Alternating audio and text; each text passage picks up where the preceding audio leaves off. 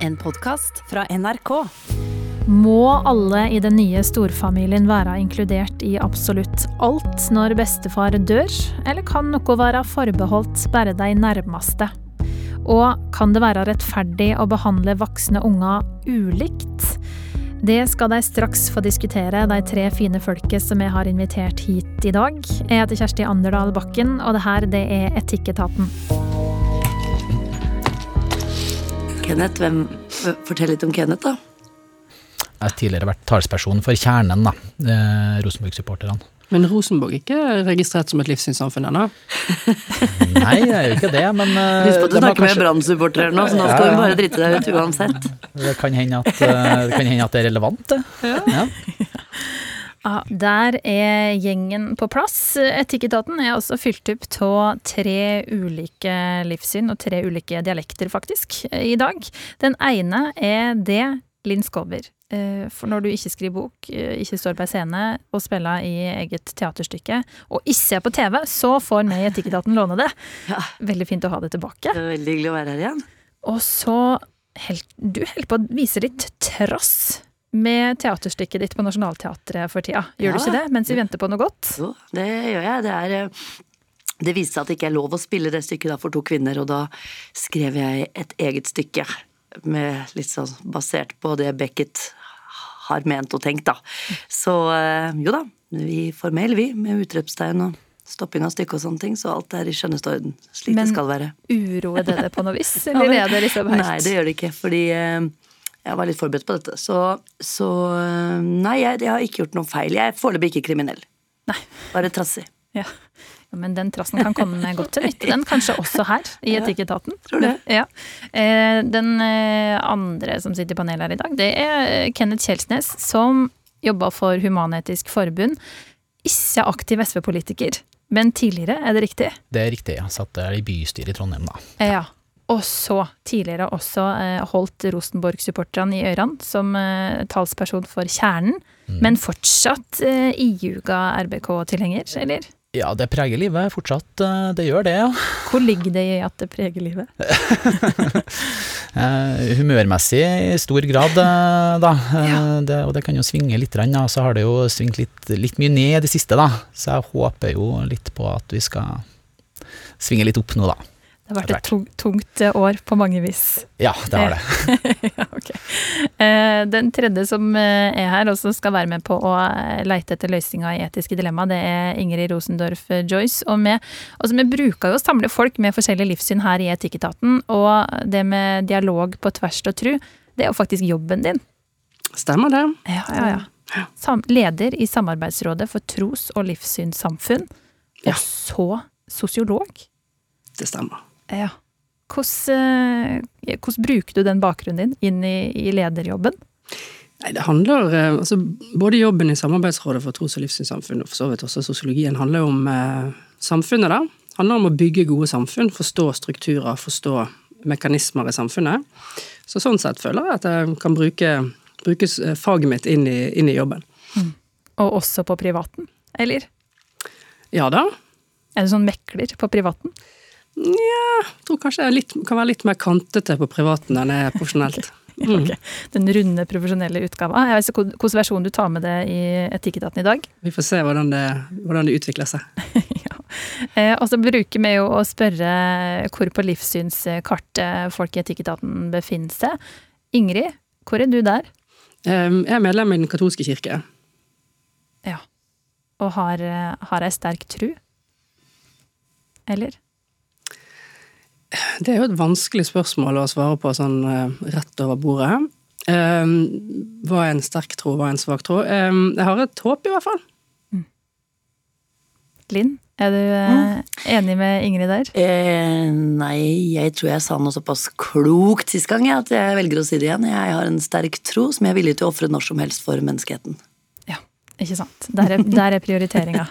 Ja. Og Kenneth, du prioriterer jo menneskeheten antageligvis. I, så, eller Er du humanist, eller er du ateist når du er medlem i Human-Etisk Forbund? Nei, kanskje begge deler, da. Ateist er nå egentlig bare den at man ikke tror på noe.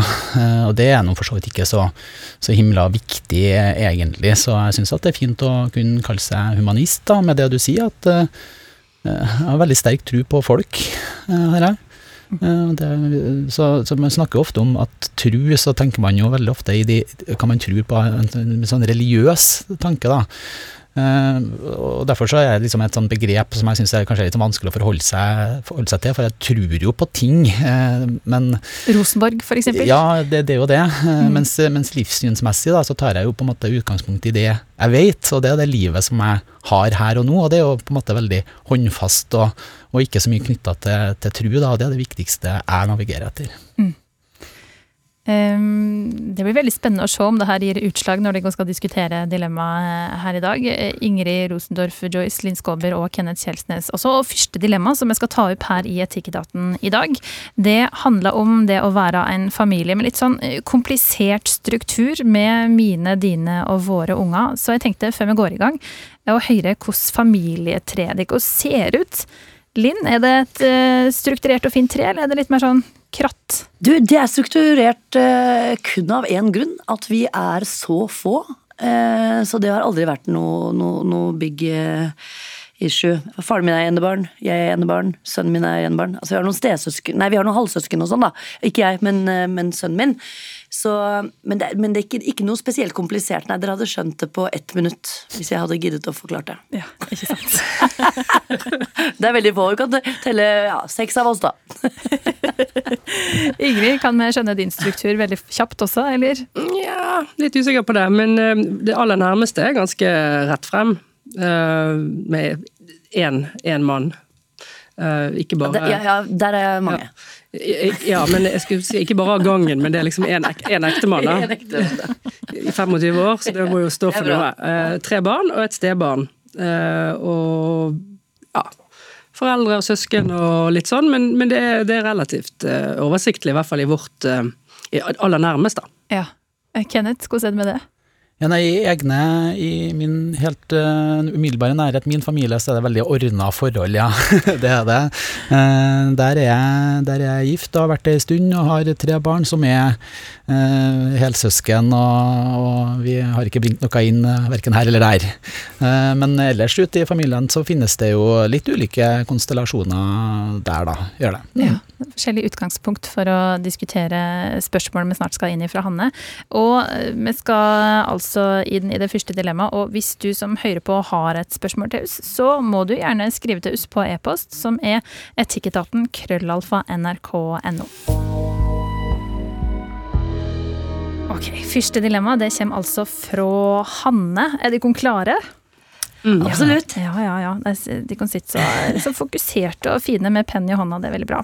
Ok, Hanne skriver. Hei, jeg trenger noen råd fordi jeg skammer meg veldig over det jeg kjenner på. Foreldra mine ble skilt da jeg var liten, og jeg og søsteren min fikk en bonusbror da far fant seg en ny partner. Vi kan kalle han Lars. Vi har vært superheldige med den utvida familien vår på begge sider, men stor aldersforskjell gjorde at vi ikke ble så knytta til Lars. Farmor, farfar, onkler og tanter har nok òg kjent på det samme. Han var sjelda med på familieselskap eller hytteturer, forståelig nok, da det var midt i ungdomstida hans. I dag så er vi voksne og har stifta egen familie, og fortsatt så treffer vi han sjelden, toppen to-tre ganger i året. Det var litt bakgrunn, nå kommer dilemmaet. Farfar døde nettopp. Jeg og søsteren min har hatt et utrolig nært forhold til han, og det samme har søskenbarna mine. Da vi var samla for å planlegge gravferda hans, så ble familien enige om at alle barnebarn og oldebarn skal stå på dødsannonser. Da vi satt og ramsa opp navn, så tar pappa òg med Lars og hele familien hans. Jeg så at både tantun og søskenbarna mine stussa over det her, men ingen sa noe. Farfar møtte Lars maks én gang i året, usikker på om alle barna til Lars en gang har truffet farfar. Pappa foreslo òg at de seks barnebarna kunne bære kista. Vi er jo bare fem, tenkte jeg, men pappa regna òg med Lars. Fortsatt var det ingen som sa noe. midt oppi sorga så skamma jeg meg så forferdelig over at det her betydde så masse for meg. Jeg er det verste mennesket i verden som bryr meg om det her. Det virka jo som om det var så viktig for pappa at Lars ble inkludert på lik linje med de andre barnebarna. Vennlig hilsing Hanne. Altså, hvorfor reagerer Hanne sånn på at Lars skal inkluderes som et fullverdig barnebarn i prosessen her, Linn? Eh, det har jeg lyst til å svare på. Kan jeg få svare på det til slutt? For jeg har lyst til å si noe annet først om dette. Eh, dette her dreier seg jo om liksom det som i Ibor også av tradisjoner og tanken på hvordan ting være. Nok en gang dette ordet forventninger. Hvordan ting bør være. Og tradisjoner har jeg vært litt sånn hovmodig negativ til tidlig alder. ikke sant? Hvorfor skal man gjøre sånn, hvorfor skal kirken være sånn, er det så vits i å ha det sånn, er det nøye med allting? Og så husker jeg svigerfaren min sa da, han som var det da, han sa men du vet ikke før du står i det, hvor viktig liksom, tradisjoner er, da. Og det kjente jeg på, for jeg mista veldig mange av mine på en gang. Og da hadde han rett. Man trengte noen søyler som man kunne hvile seg på. Men når det er sagt, så tenker jeg Hvorfor skal vi være såpass firkanta som hun er, og, og, og liksom på en måte anse det siste øyeblikket i livet som så utrolig viktig? Det skaper jo alltid noe trøbbel, eh, omtrent nesten i alle menneskers liv, med familie rundt når det, er, når det er over. Og jeg tenker, hvorfor ikke være litt uh, upretensiøs og giving? Uh, hun spør om om jeg er fæl. Nei, ikke fæl, men jeg syns du kunne tenkt litt større. Syns faren din er et veldig kult menneske som prøver å inkludere alle rundt den kisten nå. Hvorfor skal det være så nøye? Beste øyeblikket med min mor da hun døde, var når hun sa til meg Linn, du vet at ikke da visste jeg hun skulle dø.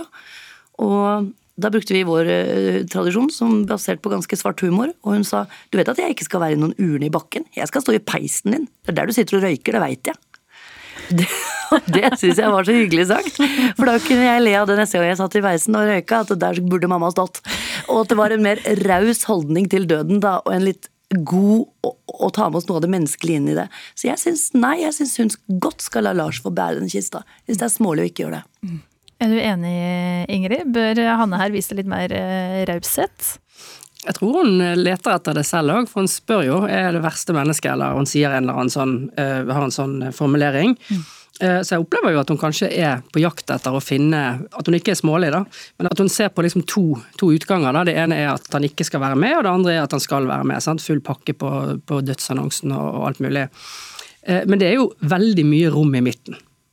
Eh, og det er kanskje en anledning for å ta den samtalen, da, blottlegge seg litt, tømme hjertet, liksom. Eh, våge å si at ja, dette syns jeg er litt vanskelig. Mm. Uh, altså Nå er det min farfar, og liksom, hva, hva, tenker du om det? Og så kanskje til og med inkludere Lars. Det er jo ikke gitt at Lars syns det er helt topp å bære den kisten. Kanskje han, hvis vi, vi, får et inntrykk av at han kanskje ikke har vært uh, så nær stefarfaren sin, kanskje han opplever at han ble tvunget inn i en ramme som han egentlig ikke er komfortabel med. Og at det kanskje hadde løst seg hvis, hvis man snakket sammen. Da. Nå jobber jeg med dialog, så jeg må jo slå et slag for det, selvfølgelig. Men jeg tenker at dette er et sånn klassisk eksempel der det kan jo være litt eh, vondt kanskje å sette seg ned og si det, men jeg tror nok at det, det er verre å, å, slå, å liksom lukke den døren og si at han skal ikke være med, og, og liksom smelle med dørene og, og, sånn. Det tror jeg kan bli noen stygge sår. Og hvis hun eh, opplever at dette er veldig veldig fælt for henne og de andre, og kanskje til og med Lars, så kan det jo hende at man rett og slett eh, bommer på det også. Så litt sånn god gammeldags la oss sette oss ned og snakke sammen, det tror jeg hadde vært eh, kanskje veien å gå, da. Bør det være plass til mer raushet eh, Hanne her i, i sorgprosessen, Kenneth? Jeg er jo enig med Ingrid at det virker som at det er den hun, hun leter etter, da. Eh, og så tenker jeg at uh, kanskje vi også aller, aller, først skal si til Hanne at, uh, at uh, du skal slettes ikke skamme deg over å kjenne på det her. Altså det er en, altså det, det er helt naturlig at sånne type mm. tanker enten de, med, ja. Ja, enten de er, det kommer av tradisjoner, mm. eller bare så, så skal man ikke eh, så, så, er ikke det her noe som man trenger å føre noe skam på. Hun er på ingen måte et uh, verdens verste menneske, som hun, som hun, hun føler seg uh, som. Og så er jo kanskje det Hanne kan spørre seg om, da, som kanskje kan hjelpe på vei mot å finne denne rausheten, er jo også å spørre hvor stor betydning har det om at Lars eventuelt blir involvert i det her for hennes situasjon der hun står nå. Fordi det er jo ikke nødvendigvis sånn at, um, at, hennes sorg eller de følelsene hun sitter med, de opplevelsene hun har nå i forbindelse med sin uh, farfar sin bortgang, blir noe mindre av at Lars tar del i dem på et eller annet måte. Uh, det er jo sånn med sorg at uh, og sånne opplevelser at de kan jo altså De blir jo ikke mindre eh, av å deles, de kan jo også måtte, få en større meningsfullhet med å dele det med andre. Eh, Men samtidig så virker det jo ikke som Hanne kjenner Lars så veldig godt. Altså, det er jo ganske langt steg å ha en sånn fortrolig samtale midt oppi Absolutt, prosessen. og, og det er jo derfor jeg, jeg, har veldig stor forståelse for at du kjenner på det her også, fordi at uh, Hanne kjenner nok på at det, at det, er litt sånn unaturlig. Og Derfor så er jeg jo enig med, med Linn også i at hun sier at pappaen er, er verdens kuleste. Uh, og, og, jeg er på en viss uh, grad enig i det, da, fordi jeg syns at det um, er veldig for å akseptere og og, og tenke at familiekonstellasjoner i dag de tar veldig mange former, eh, og at vi vi er, nødt til å prøve å finne raushet med hverandre for, å, eh, for, for det. Eh, samtidig så ville jeg kanskje ha brakt inn eh, pappa i, litt i denne diskusjonen som, mm. som det tas til orde for her også. Eh, hvorfor er det viktig for han at eh, Lars skal være med? Spesielt siden vi også er litt usikre på her om det er viktig for Lars, så tror jeg, tror jeg at pappa også her kan, kan utfordres litt på hvorfor han så naturlig grep at, at Lars skulle være med her, for det er ikke sikkert at det, det trengs. Mm. Linn, du var ganske streng med ja, jeg er det fremdeles, jeg kjenner jeg. Altså, jeg er ikke noe jeg, jeg, mener ikke skam. Skam er ingen bruk for, nei. Det syns jeg ikke hun skal tenke på. Men jeg syns hun skal revurdere tankene sine. For det er jo det er derfor jeg startet med dette med tradisjoner og forventning. Fordi så mange har så store forventninger til dette øyeblikket som om det er det største. Det har det aldri vært det største i livet med en begravelse. Det er jo alt det som har skjedd før. Og alle de møtene farfaren har hatt. Mm. Og han har jo hatt, ja, en gang i året, da, med Lars. Um, så da synes jeg det, det, det, Man bør ikke lage det som den som det største. Jeg tenker jo også at dette her bare er en forlengelse av livet, da, fordi jeg tror på noe annet. Så jeg mener, jeg tror farfaren ville vært stolt av å si at eh, menneskene rundt han eh, var rause. Ellers så får det, Jeg satt og så for meg nå at den der kista var 25 meter lang, da, og at alle fikk bære, men det er vel kanskje litt vanskelig å få til.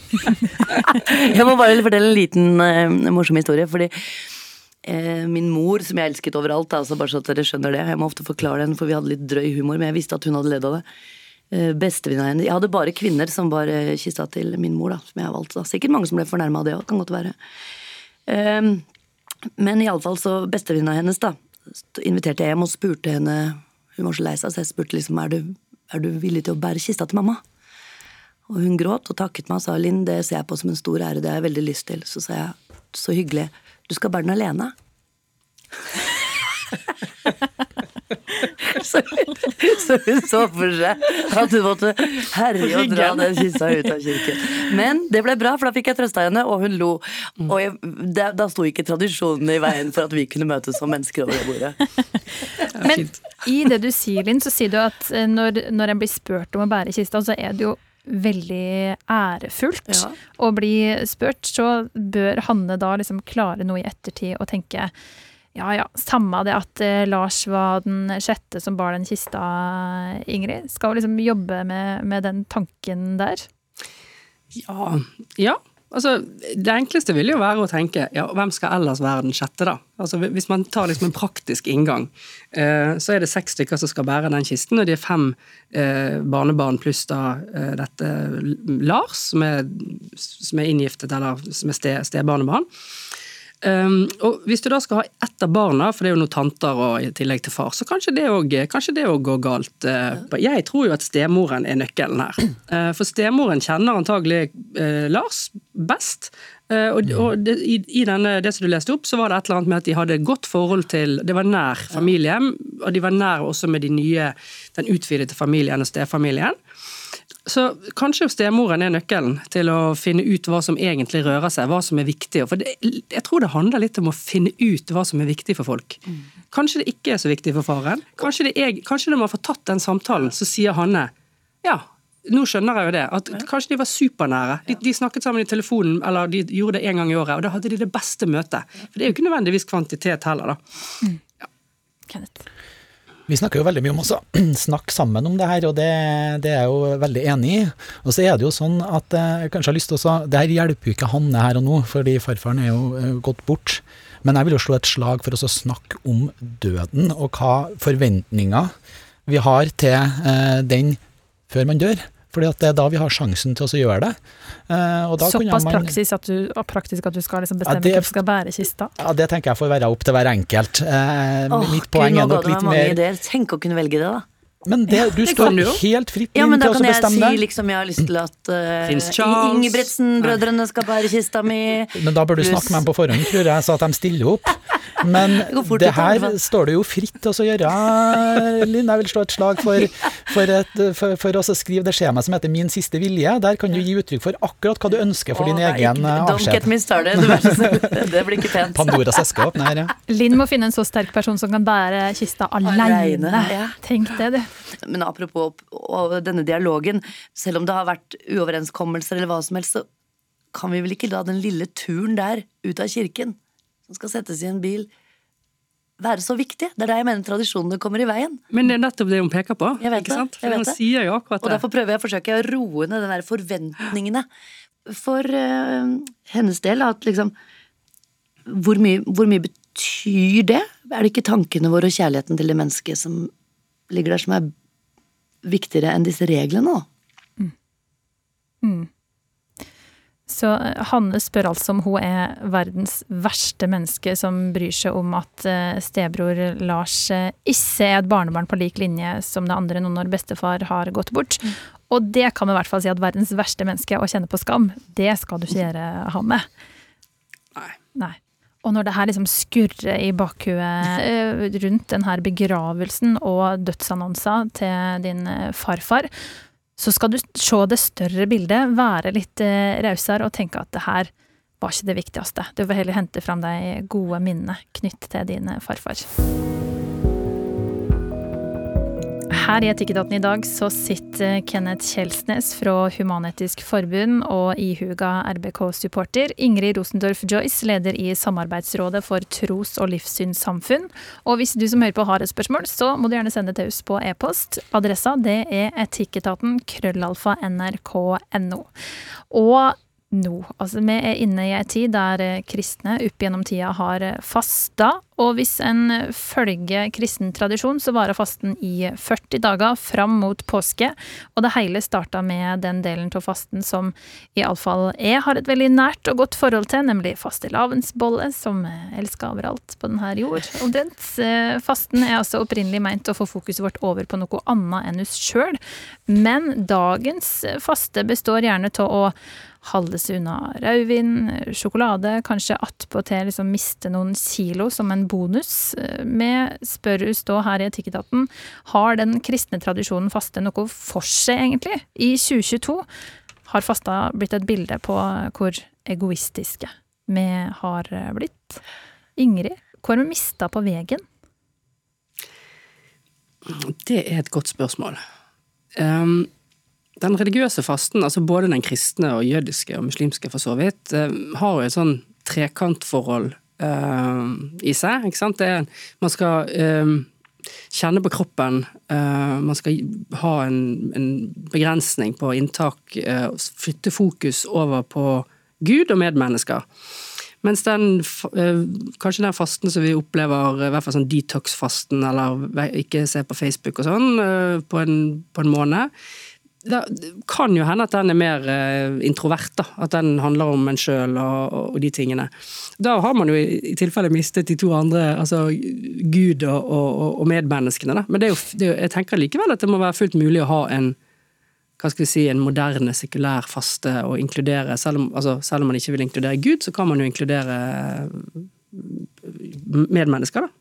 Men nå ble jeg veldig nysgjerrig. Du nevnte eh, islam og jødedom og kristendom. Er fasten basert på det samme? Ja, ja og nei. Eh, den får jo litt sånn ulikt uttrykk, da. Og vi, den kristne fasten, i hvert fall den vi har her i Norge, er jo litt sånn faste light. Um, mens, uh, mens, ramadan, sant, som, som, man kjenner fra, fra, islam, er jo en mye sterkere faste. Men da handler det jo om det, at du ikke spiser fra, fra soloppgang til solnedgang. og du kjenner helt fysisk på, på sult, og så er jo det ikke eh, først og fremst fordi at du skal kjenne på sult, men fordi at du skal flytte fokus over på noe annet, ikke sant, over på Gud. Eh, og så er det jo en, en, viktig del av det, og det er også i den kristne fasten, eh, de pengene du sparer, eller du skal, liksom, du skal også gi et offer, da. Du skal gi penger til en veldedig sak, eller til noen som ikke har det så bra som du har, osv. Så, videre. så poenget er jo ikke at du, hvis du da lar være å drikke vin, da. Som i og for seg kan være en ganske god fasteregel. Hvis du ikke drikker vin på de 40 dagene frem til påske, så kan det hende du sparer noen hundrelapper eller tusenlapper. hva vet jeg. Da er det ikke fordi du skal kunne kjøpe enda bedre vin når påsken kommer, men det er jo da for å bruke det du har spart, eh, kanskje til å, til å, gi til noen som, som, ikke har det så bra. Har du noe forhold til faste, Linn? Artig at du spør. Eh, jeg, har, jeg, er inne på en uh, ikke-religiøs uh, 28 dagers uh, litt krisemåned. Uten Med nesten ikke noe mat, ikke alkohol, ikke sukker, ikke salt. Ingenting. Så jeg kjenner litt på det. Rent fysisk. Men jeg har så rense-rense-måned, egentlig, som ikke er så religiøs. Men jeg har stor tro på en religiøs fast, ja. Det må jeg virkelig si jeg har. Eh, i forhold til alt Ingrid egentlig sa nå. Jeg tror at det, det er eh, Jeg ser på det som en slags takknemlighetsøvelse. Av å liksom ikke fylle på, fylle på, fylle på, som vi er så vant til i vårt samfunn. Men rett og slett tåle stillheten og det å ikke kunne få det du vil hele tiden, og nettopp derfor plassere tanken din et annet sted. Eh, det blir jo litt vel trivielt det jeg snakker om i forhold, men jeg hadde en, en flytur fra København forrige uke. Hvor boka mi var utlest, jeg ikke hadde noe å høre på øret, og hvor jeg ikke kunne være på nett, ikke hadde noen ting å gjøre, måtte sitte og se ut i luften. Og det var så liten tid, da. Men det fikk meg til å tenke på hvor lite og, og sjeldent jeg gjør det. Mm.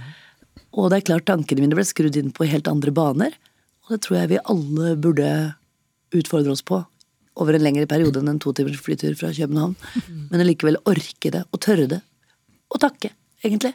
Og det som du sier, jeg har jo mest snakket med, med muslimer da, om faste, for det er de som jeg har flest av rundt meg i forhold til eh, religiøsitet. da. Og det fine jeg lærte da, som du sa nå, Ingrid, det visste jo ikke jeg helt, da, men dette her med å renske opp i forhold rundt seg, blant annet. Ordne opp i, i uoverensstemmelser. Eh, liksom tørre å si unnskyld. Eh, det, det, er jo en av de fine tingene med den renselsen, da. Mm. Så kanskje du går inn i faste anno 2023 på et annet vis enn 2022, Linn? Ja, altså det blir ikke mars i hvert fall, nei. Jeg fortsetter ikke. Det blir, jeg tok valgte jo februar selvfølgelig fordi det er 28 dager. 40, 40 syns jeg høres litt for mye ut. Mm. Det er fri på søndager, da. Ja, hva sa du? Det er fri på søndager, da. Er det? Ja, ja for jeg, eh, hos muslimene så er det jo soloppgang til solnedgang. Du, men hva er det de kristne egentlig ikke skal gjøre? Kjøtt og alkohol og sex. Eh, det handler om eh, litt forskjellige ting, da. Ja. Mm. Ja, Så det er, dette er et regelverk hvor du det, det, er et regelverk. altså Den katolske kirke har jo regler for det meste. Ja. eller ja. For, ja. Men har jo også praksiser for det andre. det man ikke har regler for. Men, men, ja, så det er jo da kjøttfaste på på langfredag og askeonsdag, i hvert fall. og da skal du, Men, men den kristne fasten er jo ikke sånn så det, Man spiser jo kanskje likevel spiser et lite måltid, eller ikke sant? Og så er det jo masse regler for de som er over 60, og de som er syke og gravide, barn og en masse greier, da. Ja, Men det, men det dreier seg om mat og drikke ja. for det meste, og sex, som du sier. Ja. Men, men, er det mellommenneskelige relasjoner? Skal de kristne også ordne opp? Ja, altså, Det handler om at du skal da flytte det fokuset, da. ikke sant? Og da er det jo til å ha mer tid til, eh, til bønn, til å gå, gå, i kirken, gå til messe. Eh, og i det så ligger det jo også å liksom, rydde opp i sitt eget forhold til Gud og sin neste. Ja. Så da handler det jo om å Det handler egentlig om sånn regnskapstid. Ja. Sant? Det er litt etter vi har levert inn eh, regnskapet for året, men kanskje før selvangivelsen. Så det er jo en god, eh, god tid da, hvor man kan liksom tenke ok, hvem trenger jeg å si unnskyld til, hvem har jeg gjort noe urett med, hvem har jeg et dårlig forhold til? Ja, ja, alle disse tingene. Og det får man jo litt eh, tid til å tenke på og rydde opp i hvis man rydder den tiden, da. Og derfor er det jo også et slag for denne her eh, Facebook-detoxen og en del andre ting som jeg tar. Ja, det gir liksom mening i den kristne fasten, det også. Det gjør det. Eh, ja. Men uh, humanetikeren rundt bordet, da? Har du fasta? Nei, nei, det har jeg ikke annet enn jeg har glemt å spise, kanskje. Ufrivillig faste? Ufrivillig. Så, så faste jeg, når vi snakker om her formålet med fasten, da, i den religiøse betydninga, altså flytte fokus og komme nærmere Gud, den på en måte har vi ikke noe den har jo ikke noe betydning, har ikke noe relevans i mitt liv. Hva, hva er relevant i, i mitt liv eh, for det, da? Eh, det forsøket på villigheten til å gi avkall på noe, i hvert fall for en periode, mm. som jeg, jeg, tenker virker som en sånn sentral del av det. Uh, og, og, da syns jeg det begynner å bli litt relevant, uh, hvis, vi, hvis, vi, drar inn uh, dagens store utfordring, klimakrise. Så er det klart at skal vi løse den Vi snakker veldig mye om, om veldig overordna ting hva vi kan gjøre. Vi skal kutte klimautslipp, og det, de største er på sokkelen osv. Og, og, og alt det her. Men, men og jeg ønsker jo ikke å være noe Eh, moralist. Eh, det, det, skal jeg slettes ikke være. Men, men, jeg tenker vi må ha en erkjennelse av at skal vi løse det her, så vil det kreve noe av hver, alle av oss. Spesielt av oss som, mm. som, eh, som, har veldig mye, og som står for det her enorme forbruket som ikke er bærekraftig i hele tatt. Mm. Rett og slett. Ja, Mange kristne driver med klimafaste. Ja. Bra. Er det, gjør det? Ja. Det handler vel litt om sånn forsakelse, det å kjenne på at man forsaker noe, det gjør vi ikke så veldig mye. I hvert fall ikke i mitt liv, eh, må jeg si. At eh, det, det, har jeg jo virkelig ikke vondt av for min egen del å kjenne på. Jeg tror ikke det er så mange som har i vår del av verden har vondt av det. Men Ingrid, fast du nå, da? Ja. Det ene handler om, eh, om, kjøtt, og det andre handler om mat. Så er det dette med søtt og godteri og sånn, alkohol har vært en. Og så har jeg hatt en som jeg syns har vært litt artig for min egen del, og det er jeg pleier å kjøpe kaffe på kaffebrenneriet på vei til jobb. Det er jo en eh, liten glede i Men en viktig, viktig for meg glede i livet. Har, men jeg har jo kaffe på kontoret, men den smaker altså så skrekkelig, da. Mm. Uh, så jeg lar være å kjøpe kaffe på vei til kontoret i fastetiden, og da sparer jeg 38 kroner per dag. Eh, det er jo ikke enormt mye, men 40 dager så blir det jo litt, da. Og de, de, går jo selvfølgelig da til et annet. Det er jo ikke fordi jeg skal da kunne kjøpe enda bedre kaffe. Eh, men Du setter av til å gi bort? Ja. ja. Eh, for det handler jo litt om å, å nettopp det å, å, finne en ny vane, ikke sant. Altså sti, rykke det litt ut av den kjente, gamle stilen, og så bare være et annet sted. Og det vil kroppen, liksom både fysisk og psykisk, nærmest jobbe for å komme deg tilbake igjen i. Det er ganske interessant. Så kan jeg si noe om Facebook, for det er litt, litt morsomt. Um, det er mange som har sånn detox på Facebook, også i fastetiden, når kristne har det og sånn. Um, og jeg vet ikke om dere fikk med dere her for noen uker siden, så truet jo uh, Zuckerberg med å stenge ned Facebook i Europa. Og på, nett, eh, på, Nettavisen så tror jeg det var 1500 kommentarer. Det er ganske mye selv på Nettavisen å være. Det var jo stort sett ingen kommentarer som var 'Å nei, å nei, hva skal vi gjøre når Facebook uh, forsvinner?' Det var mer sånn 'Yeah! Endelig får vi livet tilbake'. Uh, det er helt, helt ramt, altså. Uh, så, så, jeg tror jo at det er også i, i, i vår tid det er et ønske om å bli kvitt litt støy, da. Men jeg tror liksom når vi eh, gikk inn i denne tematikken at eh, en del eh, kjenner at eh, oi, nei, jeg har ikke noe forhold til kristne faste, men jeg tror de har eh, gjort det litt mer relevant for folk. Altså det å droppe å kjøpe den kaffen på kaffebrenneriet, det kan faktisk gi noe. eller bare gi avkall på noe som du egentlig tar for gitt i livet ditt. Men så er det jo viktig det her, Ingrid, med å faktisk gi pengene, eksempel, som du skulle ha brukt bort til noen sånn at du gjør det her til noe større enn det sjøl. Ikke ja, sant? Jeg tenker det. Ja. Her i Etikketaten i dag så er altså Linn Skåber skuespilleren og forfatteren, og ved sida av hun sitter Ingrid Rosendorf Joyce, som jobber med å få folk og grupper med ulike livssyn til å prate sammen, som leder i Samarbeidsrådet for tros- og livssynssamfunn.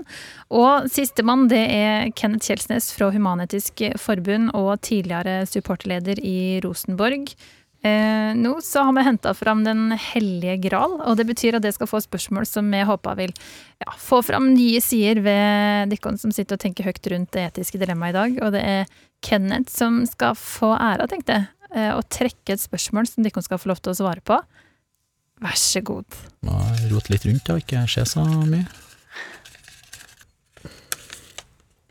Husker du en gang du skamma deg skikkelig? Og nå gikk du inn i tenkemodus. jeg føler jeg leste opp, jeg, ja. så da kan jeg sette over til noen andre. ja, ja, okay. du, du, ja, men du gjør det, at Jeg setter over til meg, Kenneth. Ja. Ok. Eh, det er så morsomt det med, med, med, med skam. Det har, jeg, det har, jeg tenkt mye over og skrevet mye om. Eh, jeg har sagt dette her at som skuespiller og forfatter, da, som jeg er da, og da har jeg brukt alle følelsene i mitt liv. Altså, Jeg kan ikke si at én følelse har vært unødvendig. Det har vært alt fra dyp sorg til forelskelse, til latterkramper, til tristhet, til ensomhet. Alle disse, disse følelsene føler jeg har på en måte stabla meg på plass Ikke på plass, men i hvert fall har jeg hatt behov for, da, i mitt virke som menneske. Men det er én følelse som aldri har hjulpet meg fremover. Og det er skam. Den har ikke hatt noe drivkraft, den har ikke fått meg videre i et prosjekt, den har ikke fått meg videre i møte med mennesker, den har ikke fått meg videre. Jeg ser på skam, jeg får et veldig tydelig bilde opp i hodet mitt, og det er som en rusten motor under en liten båt midt på et tjern. Og den går ikke og får deg ikke fremover. I det øyeblikket du gjør noe med skammen og tar den videre, til en unnskyldning, til å be om tilgivelse, til å gjøre noe, til å, å, å, få andre drivkrafter ved hjelp av andre egenskaper, så har den noe for seg. Da går båten fremover.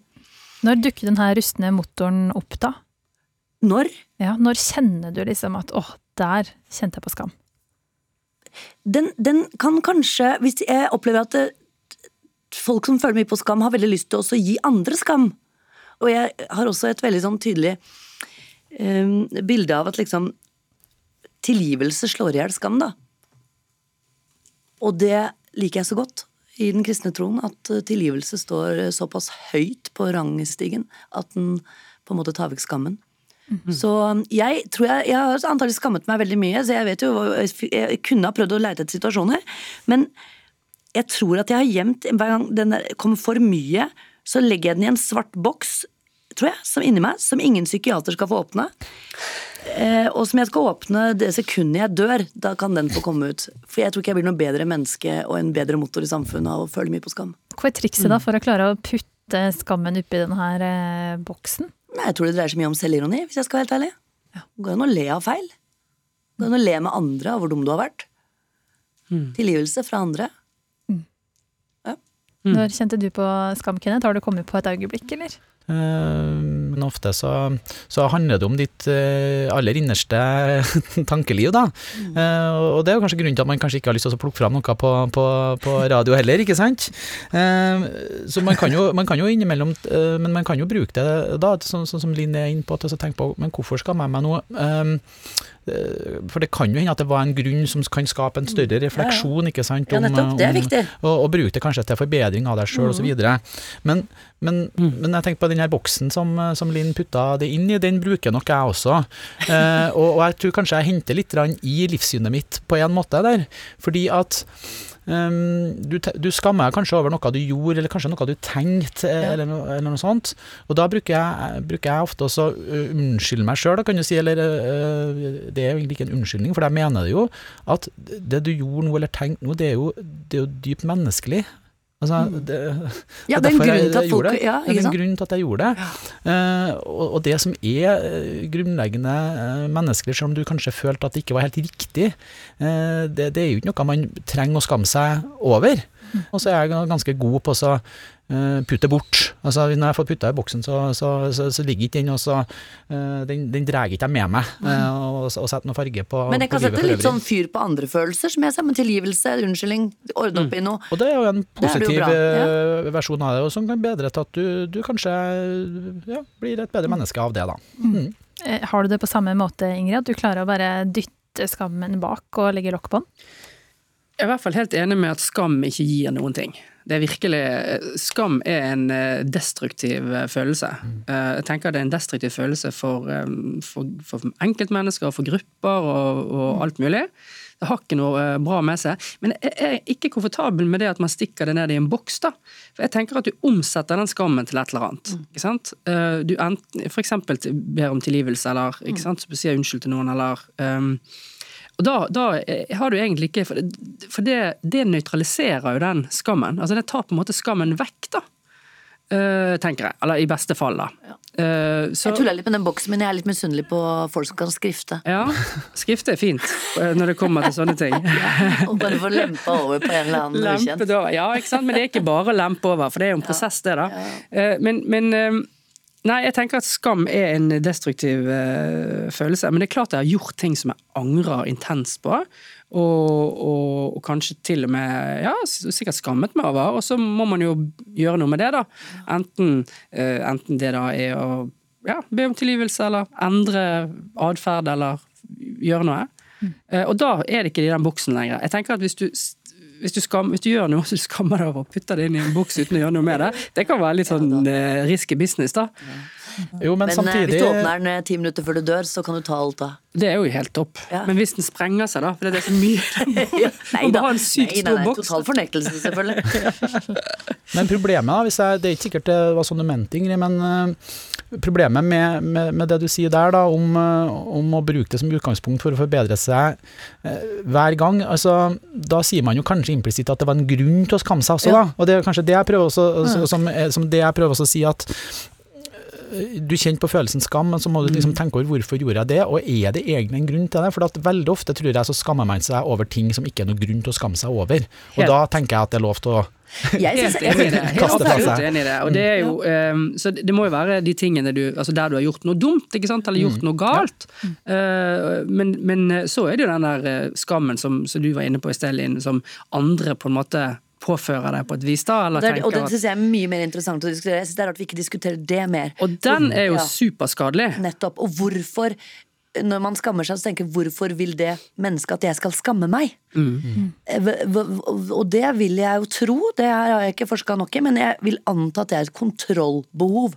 Og hvis du pirker borti det, så detroniserer du den skammen. Nettopp. Og da har den ikke noe Nettopp. makt. ikke sant? Og det, jo, det, må jo være viktig. Ja. Så hvis noen prøver å påføre det skam, Linn, så, så lar du deg møte motstand? Du sier fra? Jeg husker at jeg, jeg kom på Spellemannsprisen, og så hadde jeg ikke skjønt hvor kjent jeg var, på en måte. For det var akkurat da jeg hadde fått jobb i Nytt på Nytt. da.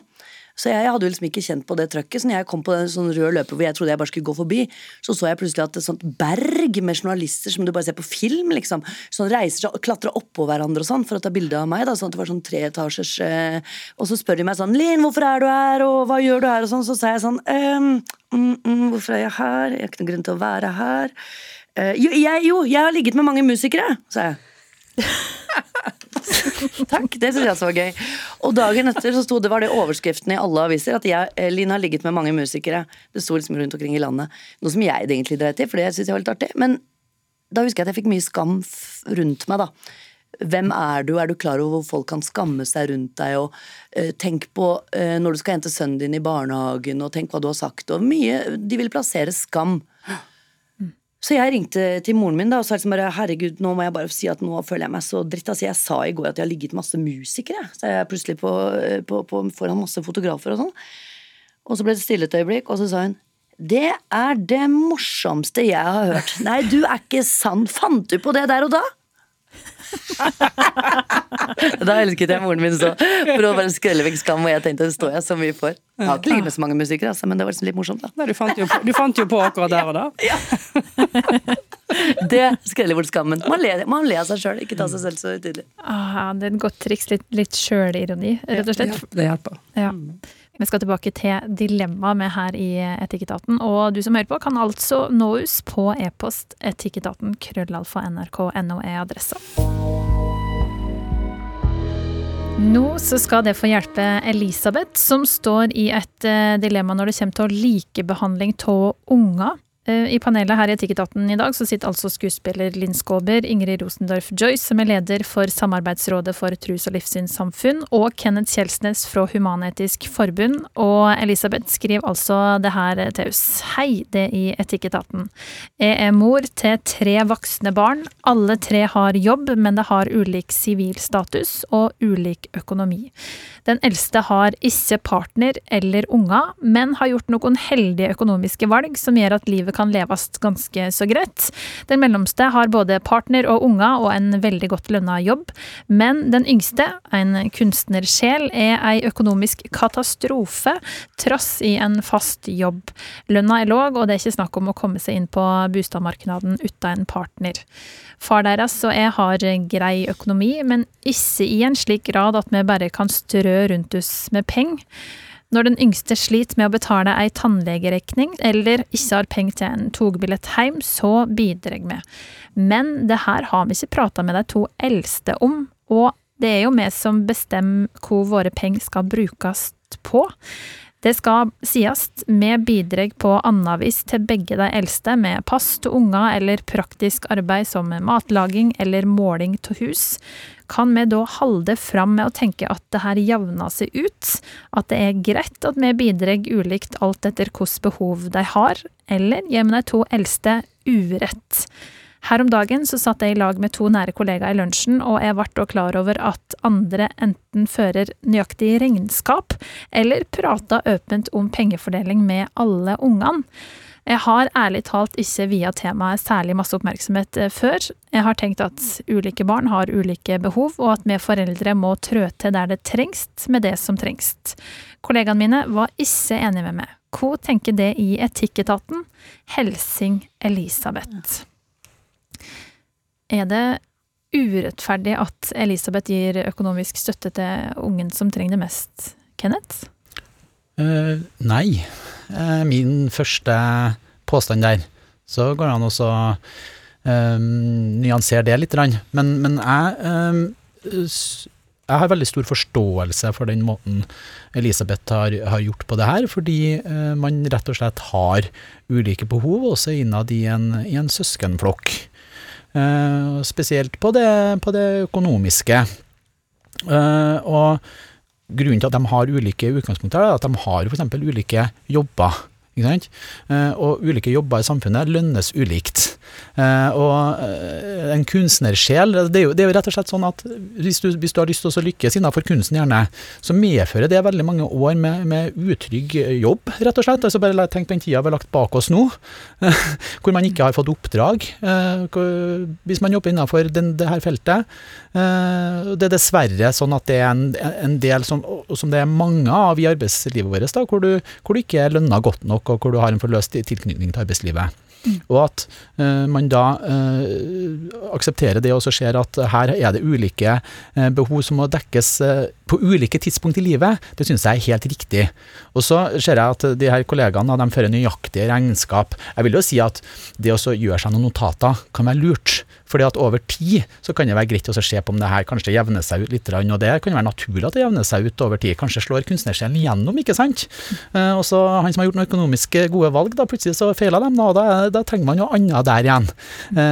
Så jeg vil nok si at jeg ville ha prøvd å holde, holde et lite regnskap, selv om det ikke trenger også, være nøyaktig, nøyaktig da. Mm. mm. Er du enig, Ingrid, at eh, det er greit å gi kunstnersjelen litt mer nå når det trengs? Absolutt. Jeg tenker at um, uh, likebehandling ikke nødvendigvis handler om en sånn millimeterjustis, uh, da. Uh, og um, ja. Um, det er jo Altså, hva er ressursene, da? Altså, Hva er det man som, som disse foreldrene gir? sant? Eh, de sier blant annet at de passer barn og maler hus, eller hva det var for noe. Mm. Eh, så det handler vel litt om å finne ut hva er det som trengs. Eh, og kanskje det for kunstnersjelen trengs det mer penger, altså er penger enn en viktige ting. Jeg vil jo Uten, å, uten, at jeg vet noe om det, så vil jeg jo gjette at for de som har barn og jobb, og, og sånt nå, så vil det å få litt barnepass og disse tingene være kanskje vel så viktig som, som en, en, togbillett. For det var, jeg hørte jo ikke at det var snakk om, og så kjøpte vi et husland og så kjøpte vi en hytte i, på fjellet. Men da blir det noe annet. Det var noen eh, togbilletter og det var noe eh, en tannlegeregning. Mm. Eh, tid, ikke sant. Tid er jo en utrolig viktig ressurs, og i hvert fall hvis du har tilstrekkelig med penger. da. Og så kanskje han eldste som hvis jeg skjønte det rett, så hadde ikke han barn, men, men hadde gått med, med, penger. Kanskje det var han som fikk hjelp til å male hus. Kanskje han ikke er så, har liksom overskudd til å få gjort det, eller kan det, eller hva som helst. Så det å finne ut hva folk trenger, det kan være en form for likebehandling, tenker jeg. Eh, og at ikke det trenger å være på, på kronen og ørene. Og så er det jo viktig å huske at dette er jo ikke arv. Dette er jo eh, ekteparet sine penger. De lever jo i beste velgående og kan bestemme selv hvordan de vil, vil bruke pengene, men jeg tenker at det også er helt innafor å, å, å differensiere. Mm. Ja. Linn, du er jo det nærmeste vi kommer kunstnersjel her i panelet i dag. Og den her eh, ungen som da er den her frie sjelen, kunne jo også valgt å bli eiendomsmekler, hvis det er det den her personen som har tatt et heldig økonomisk valg, eh, er.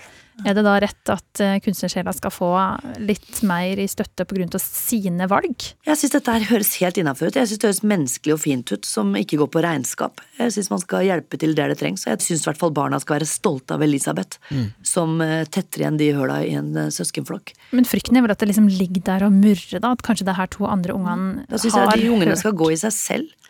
Det er så deilig å høre foreldre som gir barn penger før de dør. Da de trenger det. Tipper at kunstnersjelen trenger det nå, Men, ikke om 20 år. men det er jo igjen eh, anledning for å ta, slå et slag for dialogen, da. For det Nettopp. kunne jo hende at de skulle snakke sammen om dette. Ja. Eh, og det kan, sannsynligheten for at, eh, at, at, at folk er ganske godt, godt eh, fornøyd med den ordningen. ikke sant? Du, og, hva, og hvis han eldste, da, som har penger og ikke barn og du kan ikke altså, ja, hva, hva trenger du? ikke sant? Hva kan vi bidra med hos deg? Kanskje det var, de, kanskje det var der det var dette hus, husmalingen, da. Um, Det så som er man- dritt, er at han har sikkert blitt grisk, vet du. Han har nok er verdier, så han har sikkert blitt sånn som ikke tåler å se at broren, kunstnerbroren får mer. Så det, Men- det er antakeligvis problemet ligger. Men spørsmålet er jo da om det er Hvis vi snakker om en eh, togreise og en tannlegeregning. det, det, er så, det er så nydelige Det- ting, og alle må få hjelp til tennene sine og en togreise hjem til mamma og sant? Ja, Men tannlegeregning den kan være ganske høy, altså, hvis du går på en smell med noen visdomstenner. Da burde hele familien ha spleisa. Altså, så virker det jo som at Elisabeth her står veldig godt i det, egentlig. ikke sant? Eh, Og det er jo et veldig godt utgangspunkt for å bare spille med åpne kort om Ja, det også. kort, ja. Vi er jo trygg på det hun gjør her. Mm. Og nå har hun også fått ganske god støtte i Etikketaten, føler jeg, for å? Ja. gjøre det på den måten her. Så, så det syns ikke jeg at hun skal Jeg har en eh, følelse av at Elisabeth er en så god og sart sjel at jeg ser nok for meg at det er ikke sikkert hun har skrevet inn til Etikketaten med alle detaljene, uten at jeg skal uh, gjette det. Men jeg ser for meg at han er en øm gullgutt som kanskje får en tusenlapp stikkende i lomma her og der. Fordi man syns mer synd på han. Og er ikke det greit, da? Ja, fordi det, det jeg har lyst til å si da, det er jo at eh, det som fort kan skje når man gjør, gjør det sånn her, det er jo at man lager seg noen eh, forestillinger om at sånn er det, og derfor Ja, så holder ja, man på de ja, forestillingene litt for lenge, ikke sant? Eh, og, og, det, og det kan jo komme en dag hvor behovene til, til yngstemann her ikke er like store, og da må man på en måte prøve også prøve å oppfatte det, og ikke ha låst seg fast i sånn som det var. Og det gjelder jo både de her økonomiske bidragene, men også annen type hjelp da, til, til å male huset, eller ikke minst passe unger, da, som er sånn veldig relevant, da kan det virke som, eh, som eh, i den eh, alderen vi snakker om her, at ja, kanskje trengte den, den, det barnet ekstra hjelp da, men det er jo ikke nødvendigvis sånn om fem år. Ikke sant? Nei, men det var det Ingrid sa med dialog, og bare finne ut hvordan det økonomiske tilstanden er, og snakke om det. Ja, hva som er behovene, rett og slett. Og jeg tenker, For å trekke et, enda en eh, erfaring fra Samarbeidsrådet for tros- og livssynssamfunn der jeg jobber, vi er opptatt av likebehandling. Vi, altså, vi prøver jo å likebehandle Den norske kirke og Det mosaiske trossamfunn, som er liksom 5000 Den norske kirke er 5000 ganger større. ikke sant? Altså, det, er ikke, det er ikke lett, det. Men det, vi, vi har et, et, et begrepspar som jeg syns kanskje er nyttig. da, og Det er felles interesser og rimelige særinteresser. Eh, Og Det handler om at vi jobber for felles interesser. Det er det som alle har behov for. Og jeg vil tenke at er, Denne moren da, hun er opptatt av fellesinteressene til sine barn. ikke sant? Men så er det noen rimelige særinteresser. Og Det er noe som no, ett av disse barna har behov for, som de andre ikke nødvendigvis har behov for. Eh, Og Da er det jo f.eks. å passe, lage middag eh, en gang i uken til de, til de som har, har, um, har barn. sant? Uh, Hente barna i barnehagen, lage middag, servere middag. Det er jo gull verdt. Eh, Å komme hjem til han som eh, er singel og tjener godt og, og lager middag til han en gang i uken og passer de barna han ikke har, det er ikke sikkert at det har den helt store eh, innvirkningen. ikke sant? Og kunstnersjelen trenger disse pengene. Rimelige særinteresser. Det er, det er viktig for akkurat den enkelte, men det er ikke viktig for de andre. Det tror jeg er lurt å identifisere. da. Ja, godt det er sant. Men hvor vil det si å spille med åpne kort? Fordi skal det være sånn at hun eh, har en tråd der det er sånn Nå har han satt behov for å fikse tennene sine, 12 000 er satt over. Eller skal det bare være øh, øh, en prat over middagsbordet med at øh, her gir vi litt forskjellig. Åpne, åpne opp for dialogen. Det er litt Prat over middagsbordet.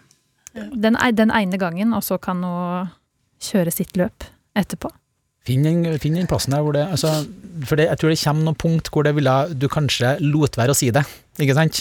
Altså, du, du, det er noen ganger du har faktisk aktivt eh, latt være å fortelle at sånn det var, når det kanskje var naturlig også å si at uh, det ble noe sånn at uh, han fikk dekket det, og så videre. Men det er jo ikke heller penger. prøve også, også Det er jo ikke til barnas penger. Jeg synes det er litt så frekt liksom bare altså liksom det tilhører meg, på en måte. Det er jo moren din sine penger. Det er faren din sine penger. De må da kunne gjøre hva de vil med det. Det er jo ikke tre barn som skal bestemme det. Men det viktigste må vel være å hindre at eh, når Elisabeth og eh, partner har gått bort, at ikke det da kommer fram en sånn bitterhet i at du, når du var så fattig, så fikk jo du så masse fra mor og far, og nå skal du ikke gi med det spisebordet engang. Uh, Hun kan fortelle hva som, hva som er hennes begrunnelse for Ja. sine, sine greier, og så kan hun høre hva de tenker om det. Ja. Og så hvis de syns at det er helt skrekkelig, så kan hun likevel fortsette med rak rygg. Eh, og hvis de syns det er fint, så er det jo også løst for eh, litt, for på litt lengre sikt, da. Ikke sant? Og det er jo kanskje viktig her. Elisabeth, du har også valgt å gi den ene av dine tre unger som har eh, skral økonomi, mer eh, penger enn de to som tjener gutt. Og nå så har du fått med deg fra Etikketaten to eh, skal vi si, gode diplomatiske uttrykk fra Ingrid om rimelige særinteresser. Var det det du kalte det, Ingrid? Felles interesser og rimelige særinteresser. Ikke sant? Det tenker jeg kan, kan hjelpe Elisabeth godt i eh, veien etter liksom, rettferdighet mellom de her tre ungene. Men husk på det som har blitt nevnt flere ganger her, at det her budsjettet som du skal se på for om eh, du har likebehandla ungene dine, det handler ikke bare om økonomi. Det handler også om eh, tida du har brukt på deg, og um, kjærligheten, skal vi si det, som du har gitt til disse ungene. Tre unger som får like masse kjærlighet av Elisabeth. Det tenker jeg må være et godt utgangspunkt. Og der var åpningstida i Etikketaten eh, over, og dagens eh, ivrige og kloke tilsatte, vil jeg si, det var Linn Skåber, skuespiller, forfatter med mer, Kenneth Kjelsnes fra Human-Etisk Forbund og Ingrid Rosendorf Joyce fra Samarbeidsrådet for tros- og livssynssamfunn. Innboksen vår den er også eh, døgnåpen, og hvis du har et spørsmål som utfordrer moralen din, kanskje står du i et eller annet dilemma i livet ditt nå som du vil at andre skal tenke høyt rundt, så er altså e-postadressa vår etikketaten krøllalfa nrk.no. Og så hører du Etikketaten hvor torsdag på NRK P2 klokka tolv, og når som helst som podkast i appen NRK Radio. Jeg heter Kjersti Anderdal Bakken, og med høyrest. Du har hørt en podkast fra NRK. Hør flere podkaster og din NRK-kanal i appen NRK Radio.